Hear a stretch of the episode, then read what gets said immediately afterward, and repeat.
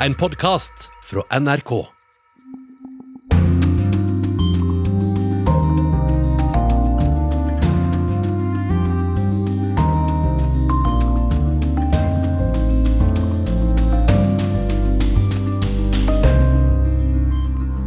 I Russland er flere arrestert i demonstrasjoner til støtte for Aleksej Navalnyj. Vår korrespondent er direkte med oss fra Moskva.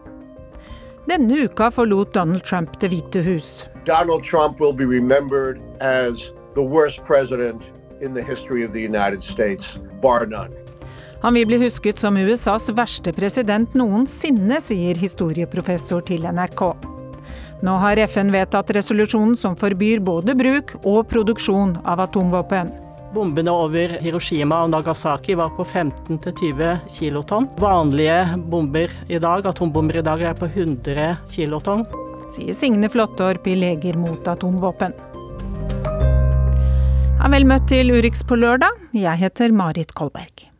Og vi går direkte til Moskva, for den fengslede opposisjonspolitikeren Aleksej Navalnyj har altså oppfordret russere til å demonstrere i dag, og over store deler av dette store landet så har folk fulgt den oppfordringen i mange byer. Og Jan Espen Kruse direkte med oss fra Moskva nå. Det har kommet eh, meldinger om eh, arrestasjoner. Hva vet du?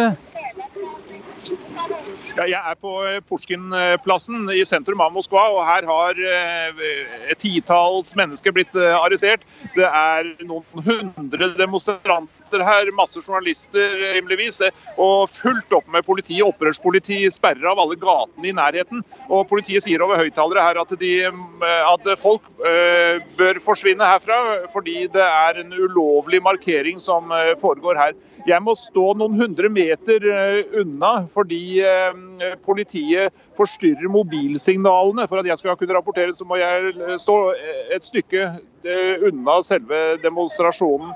Så ja, ja Vi skal straks høre mer vi skal straks høre mer med deg om dette, Jan Espen, men vi tar aller først med oss litt om bakgrunnen for dette, disse demonstrasjonene. For Aleksej Navalnyj han fortsetter å dominere russisk politikk, selv om han altså sitter i fengsel.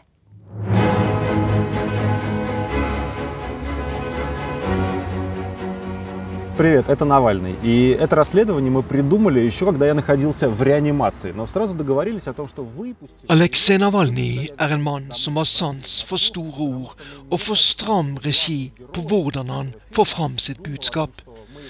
Denne uken la han ut en nesten to timer lang video der hovedbudskapet er at Vladimir Putin, Russlands president, har tilranet seg store verdier av det russiske fellesskapet, symbolisert gjennom et gigantisk slott som er bygget utenfor den russiske svartehavsbyen Gelenchik. Очень хочется понять, как обычный советский офицер превратился hvordan har en vanlig sovjetisk offiser klart noe slikt, spør Navalny, som har brukt sin rekonvalesens i Tyskland etter forgiftningen i Sibir i august i fjor, til å gå i Vladimir Putins fotspor, den gangen han jobbet som etterretningsagent i Dresden.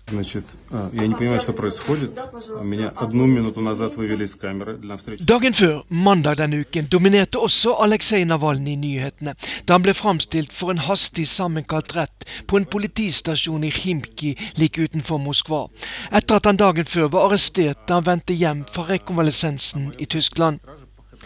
Den formelle årsaken for arrestasjonen var at han hadde brutt meldeplikten han hadde for en betinget dom, noe som var vanskelig for ham å opprettholde så lenge han ble behandlet på et tysk sykehus for en forgiftning han selv mener russiske myndigheter sto bak.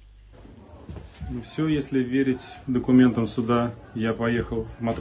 før han dro fra retten i Himki, sa Aleksej Navalnyj at ingen må være redd, samtidig som han tidligere hadde oppfordret sine tilhengere til å gå ut på gatene 23.1.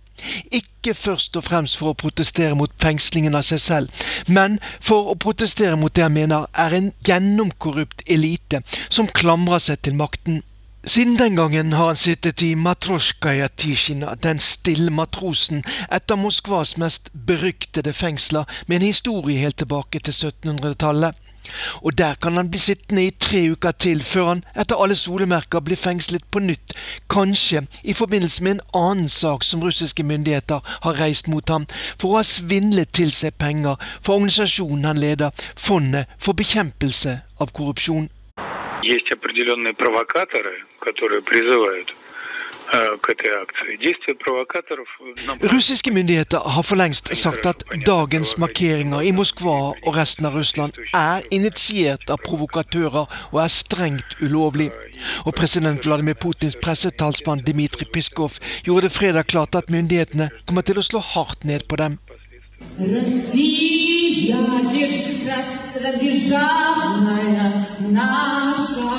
Men dette skremmer ikke mange unge russere, som de siste dagene har teppelagt sosiale medier som TikTok med videoer der de bl.a. har byttet ut Putins bilde på skolen med et av Navalnyj, fulgt opp av oppfordringer til å gjøre sitt syn kjent 23.1. Det russiske datatilsynet har presset kinesiske TikTok til å fjerne noen av videoene, fordi de oppfordrer til ulovlige demonstrasjoner men det har bare ført til at nye har dukket opp. Selv om russiske myndigheter gang på gang prøver å bagatellisere Aleksej Navalnyjs posisjon, så klarer opposisjonspolitikeren mer enn noen gang å sette dagsorden på en måte som neppe myndighetene er spesielt glad for. Ja, det sa reporter Morten Jentoft og Jan Espen Kruse fremdeles med oss fra Moskva. Du, Hvor farlig er dette for Navalny? Det er jo ganske kraftig konfrontasjon vi snakker om her? Ja, eh, med den eh, nye filmen som han har lagt ut med korrupsjonsbeskyldninger direkte mot Putin. Det er første gang han går rett i strupen på eh, presidenten på denne måten med, med harde beskyldninger. Og russiske kommentatorer sier at ja, han overlevde jo dette forgiftningsforsøket bare så vidt. Og det er jo, eh, sier de, betydelig fare for at han kan bli tatt livet av eh, mens han sitter i fengsel, eh, mens han er her i, i Russland. Og så går folk ut i gatene nå altså. Noen steder så blir det jo rapportert om opptil i 60 forskjellige byer. Hva har russiske myndigheter gjort for å få stanset dette? Ja, De har drevet en veldig kraftig offensiv eh, på statlig fjernsyn. I hovedsendinger i går så eh, ble det brukt masse tid på å advare folk, advare foreldre mot eh, at unge mennesker skulle delta på denne demonstrasjonen. Borgermesteren i Moskva var med, Innenriksdepartementet, påtalemyndighetene, nesten alt som kunne krabbe og gå var med og advarte mot dette her. Så det er, helt tydelig stor nervøsitet Eh, blant myndighetene i Russland på toppen for hva dette kan utvikle seg til. Eh, det som er det verst tenkelige sett fra president Putins sted, det er at misnøye i forbindelse med økonomi, misnøye i forbindelse med eh, pandemitiltak, at, alt dette skal, at disse demonstrasjonene skal være den gnisten som setter i gang større demonstrasjoner over hele Russland. Du nevnte i sted at du står et stykke unna selve demonstrasjonen i Moskva, men hvordan er det der nå? Ja, det, er, det, strømmer på med folk, men det er ikke kolossale mengder. Eh, det er litt vanskelig å si kanskje et tusentall, kanskje et par tusen. Eh, det er ikke noen kjempemarkering. Eh, det er, det er kolossalt med politi her. Og, og, folk blir arrestert. altså Politiet går inn og tar de som de mener er organisatorene. De som, de som prøver, har oppfordret til denne protestdemonstrasjonen. Har du rukket å snakke med noen der? Hva sier de? Ja da. Eh, de, alle sier at de har kommet hit. En som har kommet helt fra eh, Sibir, som sier at eh, det må bli slutt på korrupsjonen i dette landet. Det må bli slutt på maktovergrep. Det må bli slutt på at myndigheter kontrollerer rettsvesenet, at man dømmer folk tilfeldig ut fra politiske motiver. Og Noen nevner eh, økonomi også, at eh, det er altså nøye med styresystem. Det sier alle de jeg snakker med, de som har kommet hit for å uttrykke sin misnøye. Takk skal du ha, Jan Espen. Og vi hører, uh, hører, deg jo, og vi ser på nyhetsbyråene nå at uh, russiske myndigheter også forstyrrer mobilnettet, og det er ganske vanlig under slike demonstrasjoner.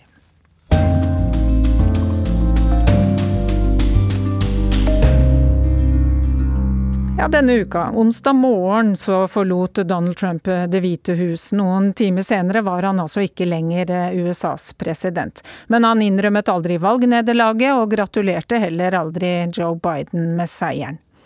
Men hvordan vil han bli husket? Vår eh, USA-korrespondent Anders Magnus har spurt historieprofessor Alan Lichtmann. Hello? Hello, hello. There you are. Hi. Nice to see you. Okay, we're good. Donald Trump will be remembered as the worst president in the history of the United States, bar none. Alan Lichtman er lettet over at Trumps tid er over, for det har vært fire forferdelige år. He has divided the nation for four years, pitted us against one another. He's trashed the Constitution. He has undermined freedom of the press. And he is responsible for the two, by far, greatest transgressions in the history of the presidency. The first was Det første overgrepet var at han løy for sitt folk om koronapandemien, og heller ikke klarte å sette inn tiltak mot spredning av sykdommen. Det andre overgrepet var da Trump oppildnet mobben til å angripe Kapitol, den amerikanske kongressen. Lichtman sier han reagerte med sjokk og avsky, forferdet over at det var presidenten selv som satte i gang dette angrepet på demokratiet, og med frykt for hva det kan komme til å bety for nasjonens framtid. Alan Lichtman er historieprofessor ved American University i hovedstaden Washington DC. Her er han spesielt kjent for sin spesielle metode for å forutsi resultatet av et presidentvalg, noe han har gjort korrekt siden 1984. I predict American presidential elections by forgetting the polls, ignoring the pundits, and focusing on the big picture of presidential strength and performance. That is the basis of my prediction system, the keys to the White House. Lichtmans system er 13 såkalte nøkler. Dette er 13 ja- og nei-spørsmål som forteller om styrke og svakheter til partiet som har presidenten. Er svaret negativt for seks eller flere nøkler for den sittende presidenten eller hans parti, blir spådommen at vedkommende taper. I use this system both to predict Donald Trump's win in 2016, eh, for which I got a very nice note from the president elect, and also to predict his loss in 2020. Haven't gotten a note yet from Donald Trump on that one. Can you predict who is going to be the president in um, 2024? Oh, come on, you're pushing me a little bit too far. I can tell you one thing that if Biden runs again, he'll win two keys. One is the sitting president key, and the other is the internal party contest key, since sitting presidents are almost never challenged for renomination. You don't think he's too old to have another uh, period? Hey, I'm I'm almost 74. I I, I don't challenge anyone's age. Lichtmann vil altså ikke forsøke seg på å forutsi hvem som blir valgt i USAs president om fire år, men sa at Joe Biden så langt har fått ja på to av hans 13 nøkkelspørsmål.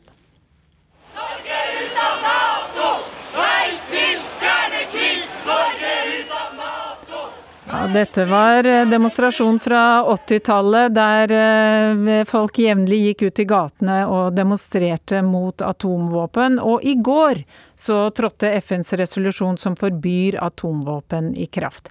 50 land har underskrevet på denne avtalen, men ingen av dem er land som har atomvåpen. Og Signe Flåttorp er styreleder i Leger mot atomvåpen, og sier at kampen mot eh, disse ikke er over.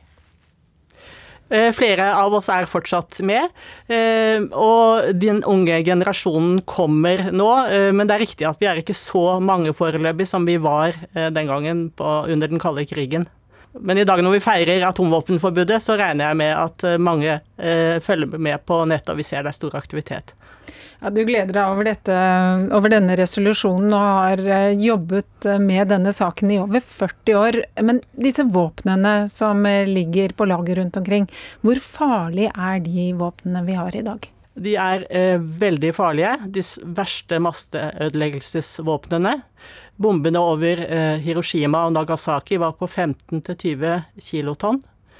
vanlige bomber i dag, atombomber i dag, er på 100 kilotonn, eller 100 000 ganger mer enn bomben som uh, falt i regjeringskvartalet. Og Det sier seg jo selv da at uh, de som er uh, i sentrum for der en slik bombe treffer, de dør jo umiddelbart. Men som lege, kan du forklare oss litt, hva, hva er langtidsvirkningene for de som er mer i randsonen av, av en slik bombe?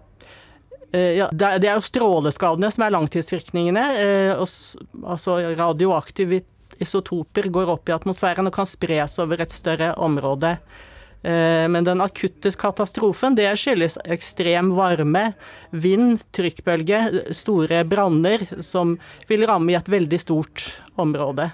Uh, og også da ødelegge infrastruktur og drepe uh, helsepersonell. Sånn at i tillegg til at skadene er enorme, så er det ingen som er i stand til å hjelpe de som da blir rammet. Og i Hiroshima og Nagasaki så ser man fremdeles resultater og spor etter angrepet eller eksplosjonene fra annen verdenskrig. Ja, det behandles mennesker som har fått kreft som følge av strålingen i Hiroshima og Nagasaki. Eh, og det er jo også eh, mange som eh, er rammet av kreft og andre skader etter prøvesprengninger som pågikk tidligere. Men hvor stor vil du si at trusselen for at slike våpen skal bli brukt er i dag, når vi jo tross alt vet hvor farlige de er? Ja, eh, Den såkalte dommedagsklokken, som indikerer hvor nærme menneskeheten er utslettelse, eh, den har vært stilt eh, av The Atomic Bulletin Scientist siden 1947, den er nå 100 sekunder før midnatt. Den har aldri vært så nær midnatt noen gang. Sånn at det er litt paradoksalt når vi snakket om at det var flere som var engasjert for 40 år siden eh, enn i dag, at, eh, at uh, trusselen om utslettelse pga. atomkrig, kanskje også da kombinert med uh, teknologiske utfordringer uh, og klimakrise, det er farligere i dag enn det har vært noensinne. Og så sier du er glad for denne resolusjonen som FN nå har vedtatt. Men når de som har slike våpen, ikke har skrevet under på den, hvilken effekt har da en slik eh, resolusjon? Nei, Den eh, er jo sterkt normdannende. Det er internasjonal folkerett, og den eh, traktaten er riktignok bindende kun for de eh, landene som har ratifisert, og det er nå 51, men eh, flere vil slutte seg til. Det fører også til delegitimering, og det fører til eh, at mange finansinstitusjoner trekker finansiering tilbake. Og på sikt så er jo selvfølgelig målet at, at de som har atomvåpen, altså atomvåpenstatene, de ni atomvåpenstatene, Eh, skal slutte seg til avtalen, og at det skal føre til, eh, til nedrustning, og at eh, atomvåpen må fjernes fra jorda. Ja, Norge har jo ikke skrevet under på denne resolusjonen. Det har heller ikke Nato. Vi tok kontakt, men generalsekretær Jens Stoltenberg hadde ikke anledning til å stille til intervju denne uka. Men vi kan jo høre hva han sa om dette i en samtale i programmet Drivkraft her på NRK den 5. januar i år. Men de er jo der i dag. De er like farlige i dag som de var eh, da det var store demonstrasjoner og mye uro. Jeg er fortsatt mot atomvåpen. Jeg er faktisk uh, mer bekymra nå enn jeg var kanskje hvert fall for 10-20 år siden. Men jeg har nok blitt mer eh, Hvis jeg har forandret mening på noe, så er det kanskje at jeg, er, det at jeg er blitt mer opptatt av at den eneste måten å bli kvitt atomvåpen på, er å få til gjensidig nedrustning. Vi kan ikke fjerne alle våre våpen uten at motparten fjerner sine våpen. Hvis vi endrer en verden der Nato uh, avskaffer alle sine atomvåpen, men Russland, Kina, Iran, Nord-Korea har våpen, så blir ikke det en tryggere verden, det blir en utryggere verden. Ja, Det var Jens Stoltenberg, altså. Signe Flåttorp, eh, styreleder i Legger mot atomvåpen. Hva tenker du at hvor reell faren er for at uh, noen ved et uhell eller på en eller annen måte kan uh, komme til å uh, sprenge en slik bombe eller ta i bruk et slikt våpen? Det er en, en, en, betydelig fare, og vi vet at det har vært veldig mange nesten-ulykker.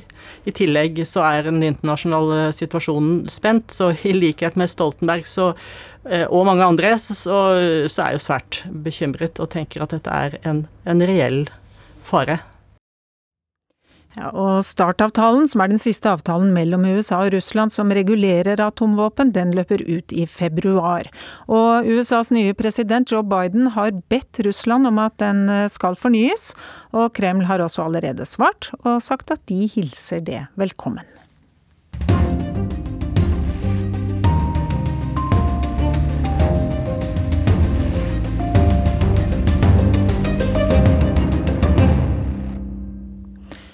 Nå i januar så har nyhetene om koronaviruset fylt sendingene våre i et år.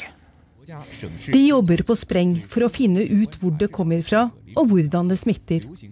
Lungeviruset korona har allerede tatt to liv i Kina. I dag ble fire nye tilfeller bekreftet. Til sammen er rundt 50 personer blitt syke.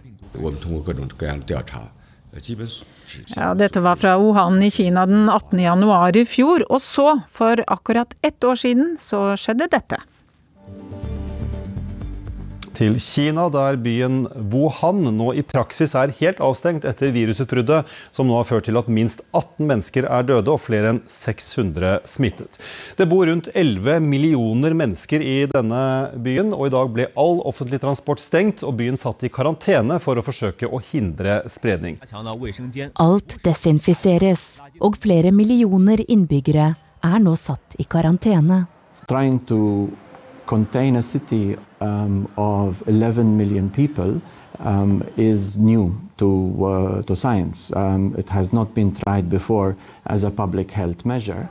Ja, vi hørte her den stedlige representanten til Verdens helseorganisasjon si at det å sette en hel by på 11 millioner eh, mennesker i karantene var noe som ikke hadde vært gjort før. Og Asia-korrespondent Kjersti Strømmen sier at dette såkalte eksperimentet faktisk gikk ganske bra. For Kinas del så gikk jo det veldig bra. Vi ser tilbake nå, så er det til sammen 4635 døde i Kina. og Dette er jo et land på 1,5 milliarder mennesker. Så hvis vi ser på hvor eh, dette viruset har spredd seg andre steder, hvor mange som er døde f.eks. i USA, så er det jo fantastisk hva Kina klarte å oppnå. Dessverre så var det jo litt for seint ute, fordi dette viruset klarte jo da å slippe unna og rett og slett eh, dukke opp andre steder i verden. Og der har man jo altså hatt større problemer med å få has på det. Men dette eksperimentet, som du sier, dette gjentas jo i Kina igjen og igjen og igjen. Hver gang det dukker opp eh, et eh, utbrudd, så stenger Kina helt ned. Og akkurat nå så er det flere hundre millioner mennesker i dette landet som sitter i lockdown. Du har nettopp vært i Wuhan. Hvordan er det der nå? Ja, Der var det en veldig avslappa stemning. Og jeg vet ikke om jeg har rett i det, men jeg fikk liksom litt følelsen av at det er de som har vært gjennom det tøffe kapitlet som de hadde med tre måneder i lockdown i fjor, nesten setter mer pris på livet enn andre gjør. Det var en sånn lettelsesfølelse. Masse folk ute som trimma og som sang i parkene og gleda seg over livet. Og de fortalte meg at eh, de mente at eh, Wuhan nå er den tryggeste byen i verden man kan være i. Ja, og I Beijing, der du er eh, nå, der er det også strenge tiltak, forstår jeg? Ja, i Beijing så har man eh, nå vært eh, veldig redde for at dette viruset skal bre om seg i byen. Vi har sett sør i Beijing Dashing, der man har fått denne splitter nye flyplassen, så har man oppdaga den engelske versjonen av viruset. Og en er jo redd for at eh, hele byen skal få dette, og derfor så har man stengt av den delen. Og så kommer man til å eh, teste hele Beijings befolkning. Det har man allerede satt i gang med. Og eh, man har stengt ned f.eks. sånne skøyteområder, utesteder der man altså kan ha det litt gøy.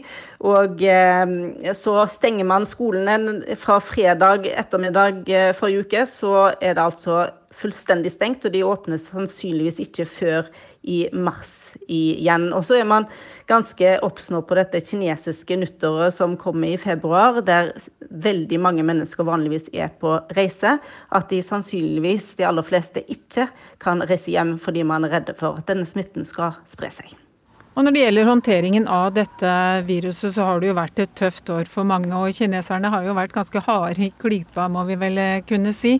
Men dermed så har de vel også unngått den største økonomiske krisen?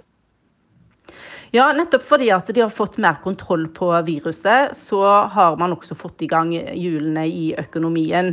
Eh, men så må vi jo òg si at eh, myndighetene i Kina eh, gir jo masse sprøyter inn i økonomien av sine egne midler. så Derfor kan man si at det, det er ikke alt som går på egen maskin ennå. Men eh, de, fall, de har iallfall klart å komme seg ovenpå og er positive for det neste året. Og så Kjersti, så venter vi jo på Verdens helseorganisasjon som har sendt representanter til Wuhan. Hva kan komme ut av dette besøket, og når kan de få kommet i gang og fått undersøkt mer? Ja, De skal være i eh, karantene i ei uke til ca. Og så skal de jo ut og samarbeide med kineserne og bl.a. oppsøke sykehus og forskningsinstitusjoner. Men eh, vi må vel være såpass realistiske og si at det er ikke sannsynlig at det kommer noe særlig mer ut av dette besøket enn det kineserne allerede har eh, fått ut av sine undersøkelser. Fordi eh, Verdens helseorganisasjon sine representanter er der jo relativt kort tid. Og de må nok forholde seg til eh, de kildene og de undersøkelsene som allerede er gjort av kineserne. Ja, det var Kjersti Strømmen det fra Beijing, og vi tar med at eh, deler av Hongkong er stengt for å begrense et koronautbrudd der. Nedstengingen omfatter rundt 10 000 innbyggere i et tett befolket og fattig område der det altså pågår en smittebølge, og kinesiske myndigheter eh, stengte ned dette området umiddelbart. Så forlater vi ikke koronaen helt, for i Russland så har de startet massevaksineringen av befolkningen for alvor. Det begynte sist mandag, og etter litt fram og tilbake så fikk Jan Espen Kruse, som jo er vår mann i Moskva, også sin Sputnik i armen denne uka. Nei, det er bare russiske statsborgere som kan få Sputnik-vaksinen, sa damen ved den statlige klinikken på telefonen da jeg ringte rundt for å undersøke mulighetene mine i begynnelsen av denne uka. Det ble understreket at et norsk pass ikke ville gjøre særlig inntrykk, og at den som skulle få den russiske koronavaksinen, måtte være medlem i det statlige russiske helsevesenet. Massevaksineringen ble satt i gang over hele Russland på mandag, etter klar ordre fra president Vladimir Putin.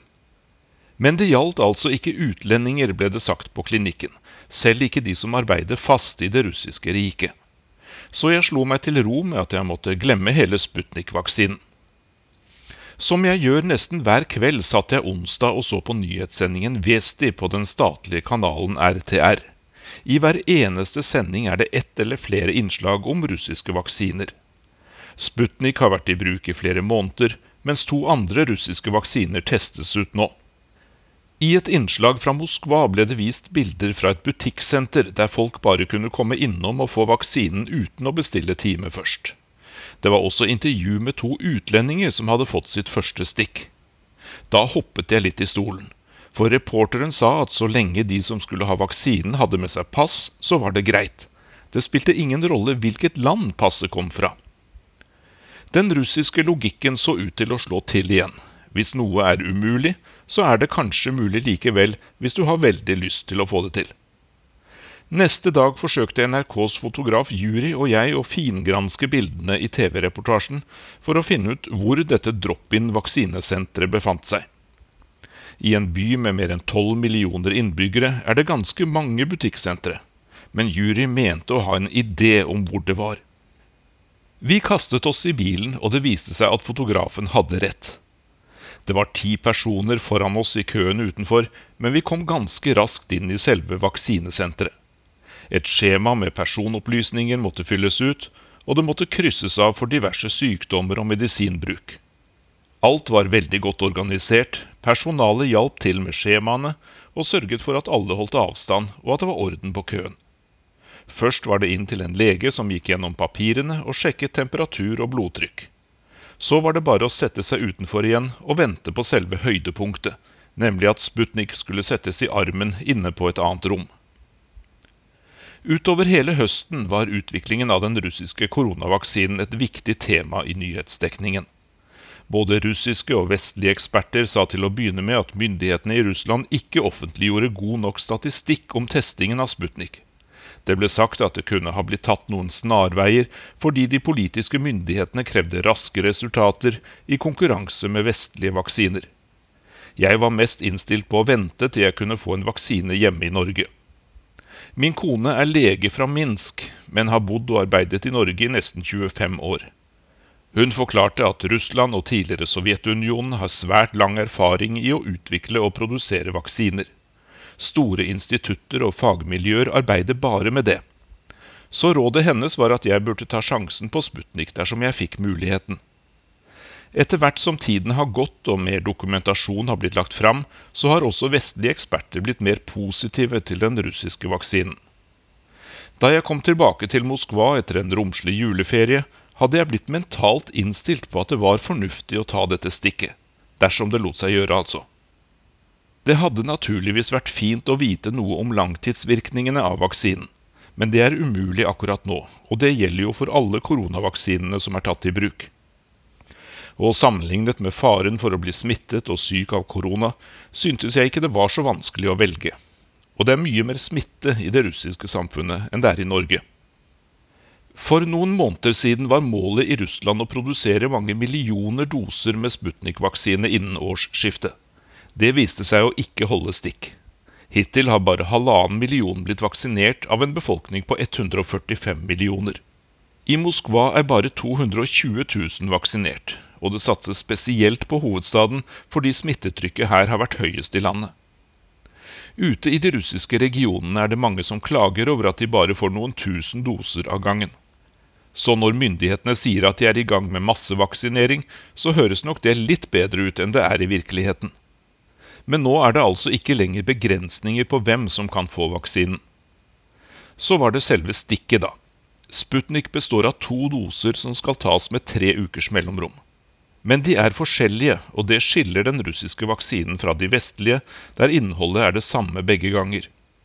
Sputniks sprøyte nummer to består av noe som skal forsterke virkningen av den første injeksjonen. Jeg ble kalt inn på sprøyterommet der den lille glassflasken for lengst var tatt ut av fryseren med minus 35 grader og varmet opp til romtemperatur. Min dose ble fylt opp i sprøyta, og sykepleieren satte injeksjonen uten at jeg kjente noe som helst. Så fikk jeg beskjed om ikke å få vann på stikkstedet og ikke klø der. Fysisk aktivitet skulle begrenses på vaksinedagen, og det var alkoholforbud i tre dager. Jeg skulle vente utenfor i 30 minutter for å sjekke at jeg ikke fikk en allergisk reaksjon eller noen annen ettervirkning. Ved utgangen fikk jeg beskjed om å komme tilbake for dose to om nøyaktig tre uker.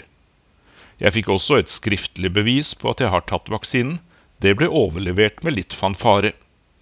Gratulerer med å ha tatt Sputnik-vaksinen mot koronaviruset, sa damen i skranken høytidelig. Og jeg må si at jeg følte faktisk litt nasjonal stolthet på vegne av Russland og det landet har oppnådd med sin vaksine. Og at russerne tross alt er villige til å dele med en utlending som kommer fra et land der det går enda mye tregere med vaksineringen.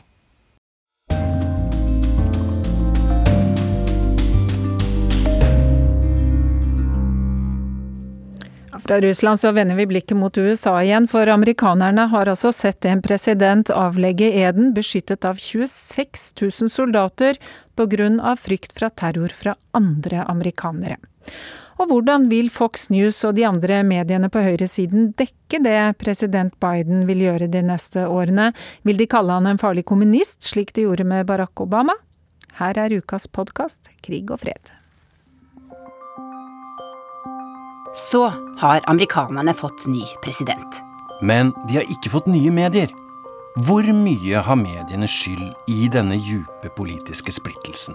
Som gjør at Joe Biden måtte avlegge eden beskyttet av soldater fra nasjonalgarden. Kommer noe til å forandre seg nå? Hvordan kommer Fox News til å dekke president Biden? Du hører på Krig og fred med Tore Moland. Og Tove Bjørgaas.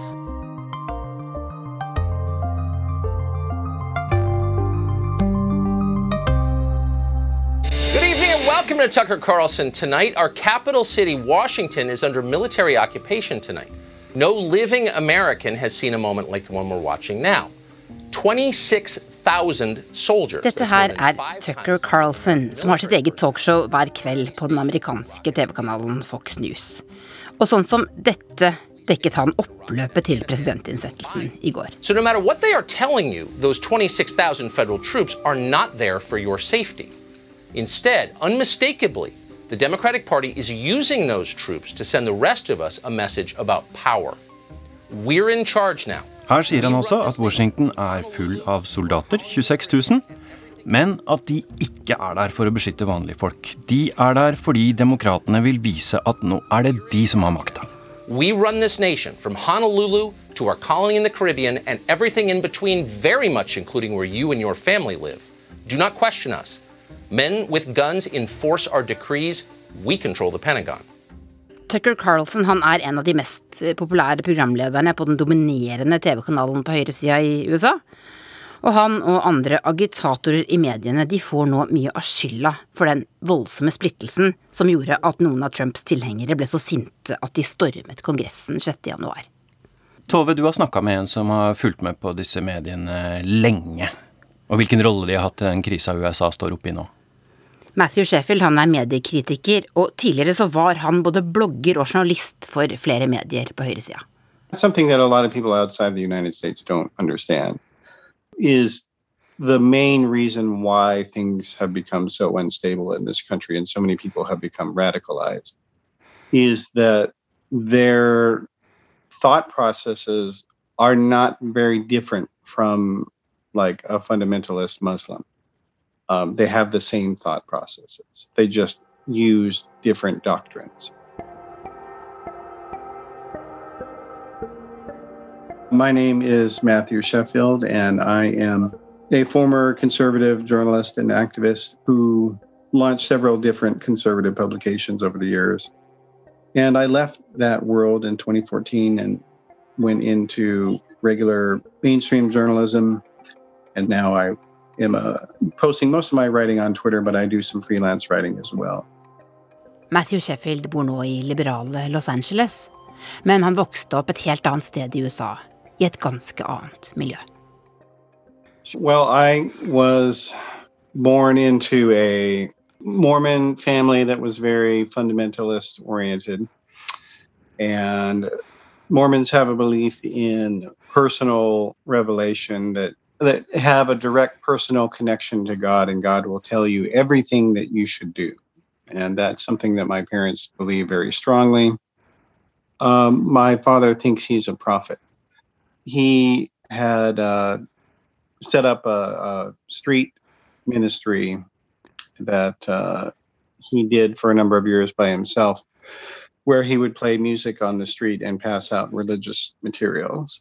So we, as a result, we lived in a lot of different places. Um, and I went to 19 schools uh, in my primary school years. Hvorfor forteller vi såpass mye om bakgrunnen til Matthew Sheffield? Jo, han ble journalist på 1990-tallet fordi han syntes eh, de store, gamle TV-selskapene i USA var for lite kritiske i sin dekning av Bill Clinton. Han startet flere blogger og ble etter hvert godt kjent i medielandskapet på høyresida. Og fordi han selv hadde religiøs bakgrunn, så skjønner han hvorfor mange amerikanere tror så intenst på det de ser på f.eks. Fox News. So Fox News has been the, the top media outlet by far on the right. So af- after I left my parents' house and I also left religion, um, I just became increasingly disturbed at these people that I was working with and that they literally thought that their political strategies, their political beliefs were indistinguishable from their religious beliefs. They have a different standard of what is true. So so most people when they're trying to look at new information that they haven't seen before, what they will do is try to, you know, investigate it and look around and see what's happening and, you know, talk to different people involved. Um, but for American conservatives, because almost all of them are extremely, extremely religious, um, they don't think in that way. Things are true if they cater to their pre existing ideas.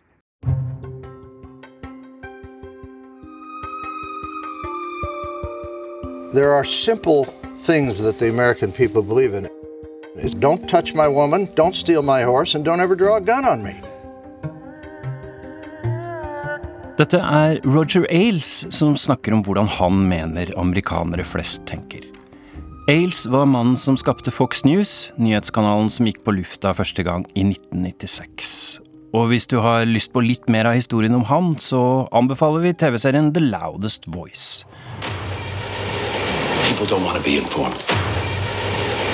They want to feel informed. Roger Ailes han var lei av medier som henvendte seg til eliten, og Fox News satsa på vanlige, patriotiske amerikanere.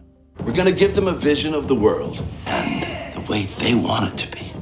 Fox ville gi folk virkeligheten slik den var, og ikke minst slik folk ville at virkeligheten skulle være. If we can do that, then they will never change the channel.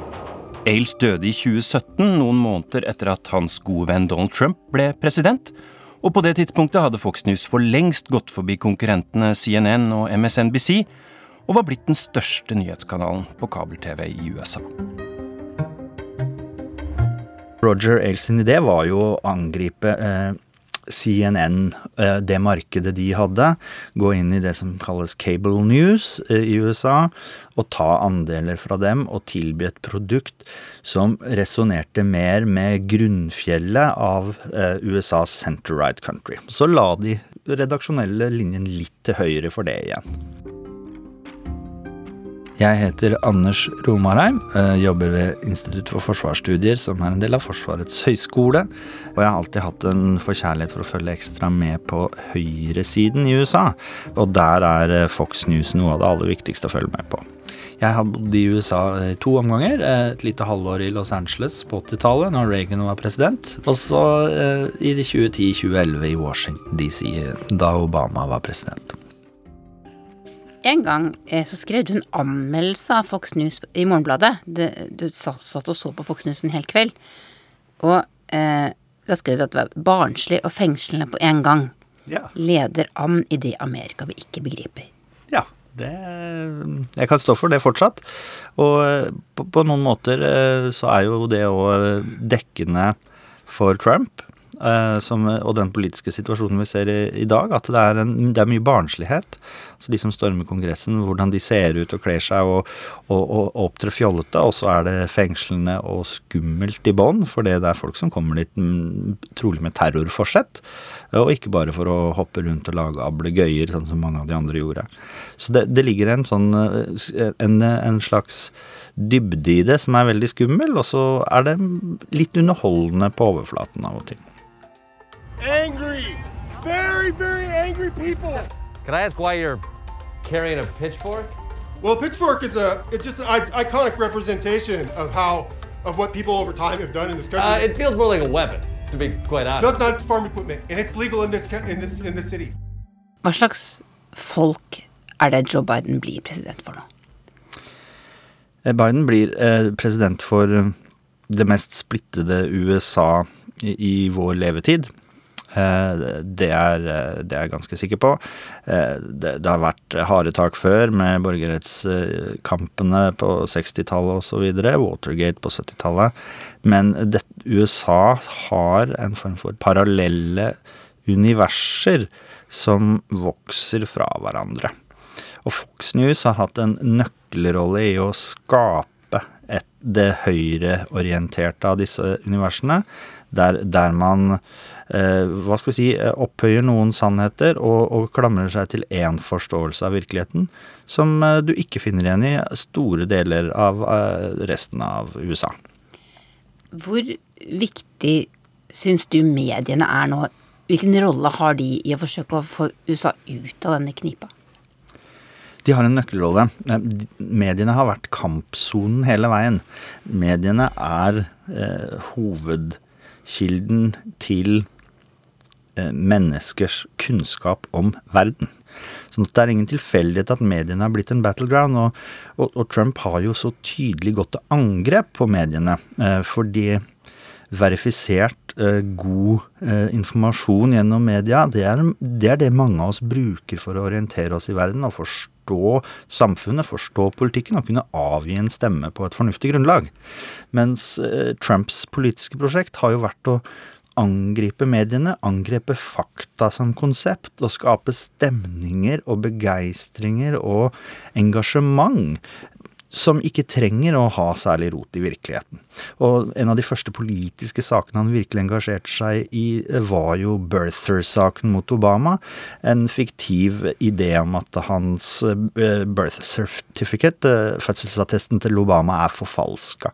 Den typen eh, saker var det eh, som var med på å få Trump eh, fram i manesjen, eh, også i, med en politisk brodd, da. Men tilbake til Fox. Så bodde du i USA da Obama var blitt president. Det var en fascinerende eh, periode å være der. Eh, Fox News eh, angrep Obama veldig hardt på kveldstid i, i de store programflatene. Og, men Obama prøvde, og prøvde med Fox å liksom gi dem intervjuer og, og, og, få snakke ut. Men allikevel så klarte Obama aldri å få tak på dem, og endte jo opp med å liksom si de, de er ikke en nyhetsorganisasjon.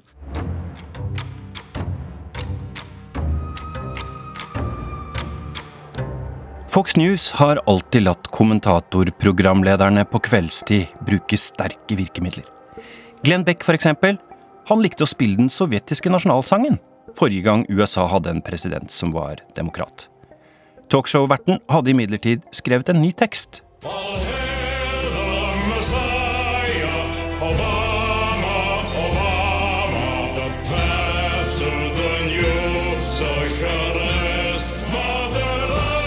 Hyll Obama, lederen for vårt nye sosialistiske moderland. Bøy deg ned og pris han. Gi ham penga dine og våpnene dine.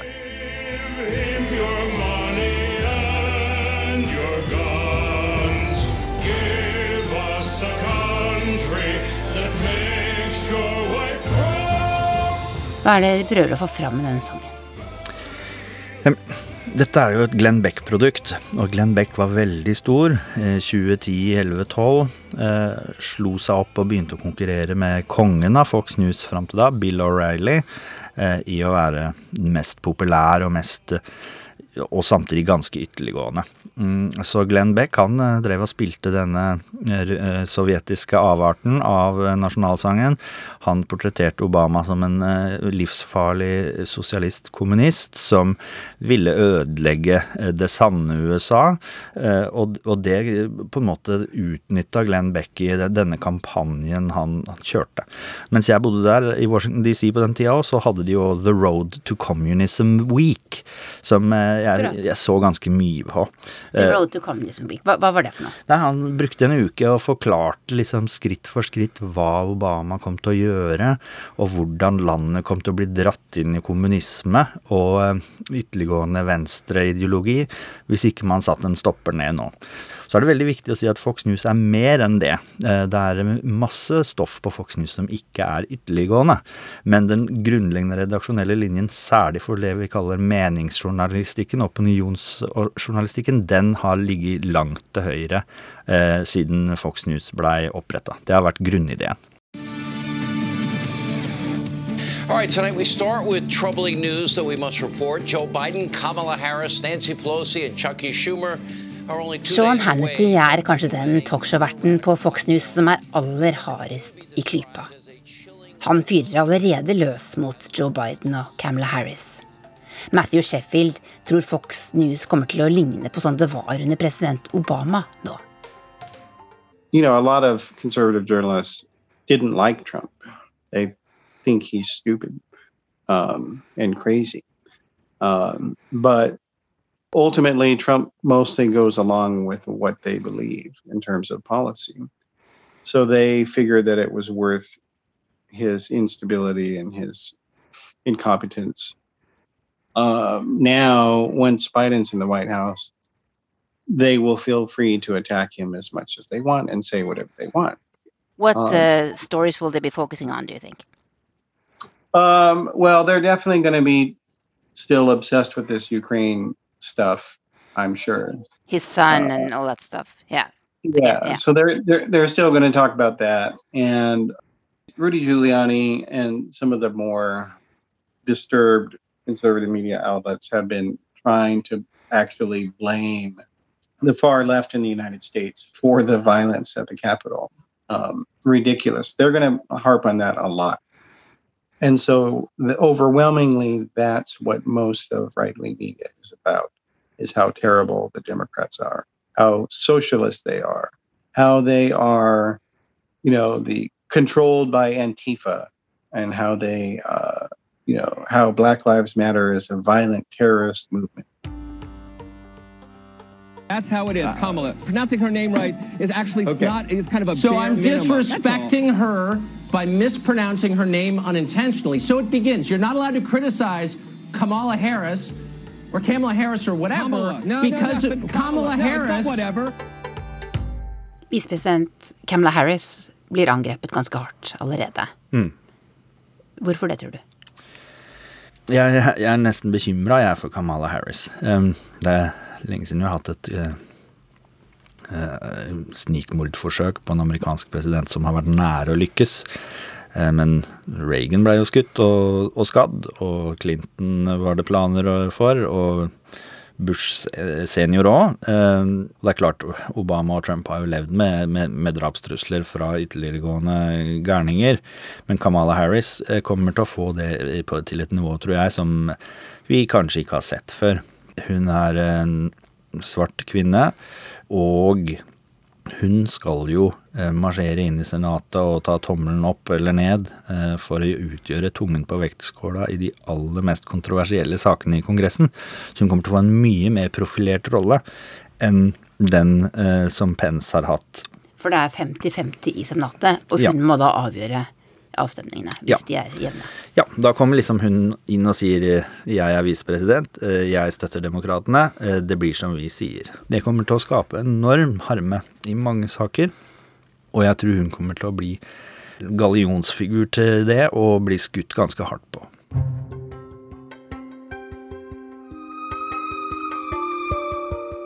Donald Trump har ofte kalt mediene en folkefiende. Som her når presidenten ringer til frokost-TV-programmet Fox and Friends. Nobody said it like I say it, but I say it loud and clear. It's the enemy of the people. It's Well, Mr. President, we're, we're part of the press too. have- Are we the no- enemy of the people? No, you're not. No, about I would say about twenty percent isn't. We don't have the enemy of the people all over, fortunately. Rundt 20% av mediene er ok, sier presidenten da. I Trumps regjeringstid har også TV-kanalene Newsmax og One American News vokst seg større i USA. De konkurrerer med Fox, men ligger lenger til høyre. En veldig interessant ting er jo at Trumps ytterliggående linje har jo på et vis innhenta Fox. Eh, Trump er ikke en veldig sterk ideolog, men, men han opererer ganske mye på ytre høyre, og så langt ut til høyre eh, innimellom at eh, selv Fox syns det kan bli for mye Møllers tran.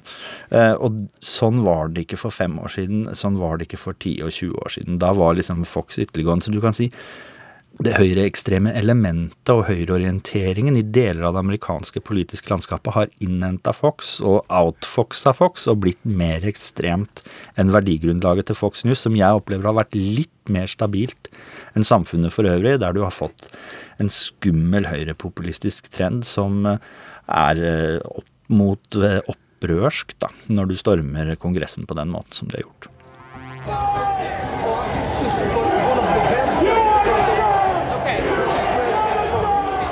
Matthew Sheffield var faktisk i Washington i dagene før demonstranter stormet Kongressen 6.1. Var han sjokkert? Oh, not at all. Um, no, I, knew there was going to be violence. Um, in fact, I was in DC um, working on a real estate project. Um, and I had brought my family with me.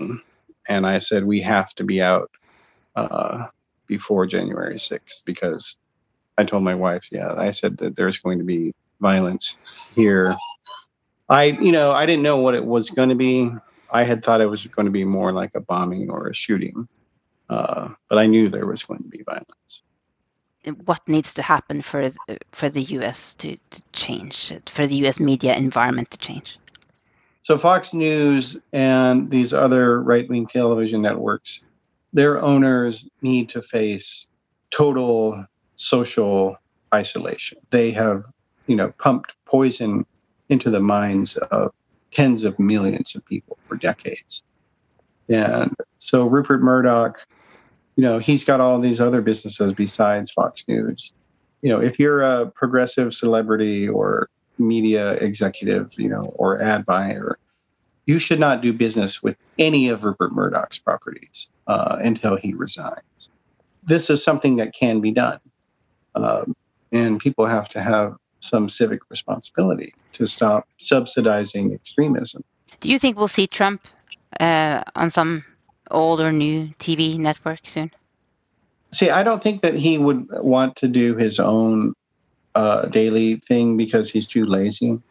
Um, and that's another reason why kicking him off Twitter is good because, you know, he, he basically sits and watches television all day. Like that's what he does all day, every day.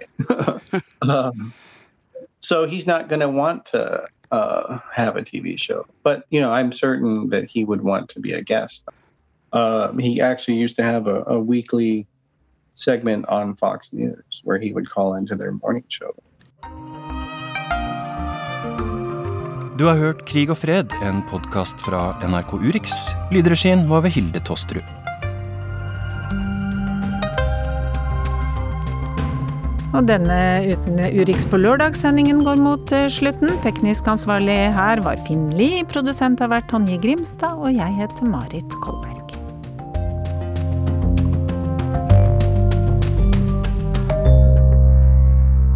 Du har hørt en podkast fra NRK. Hør flere podkaster og din favorittkanal i appen NRK Radio.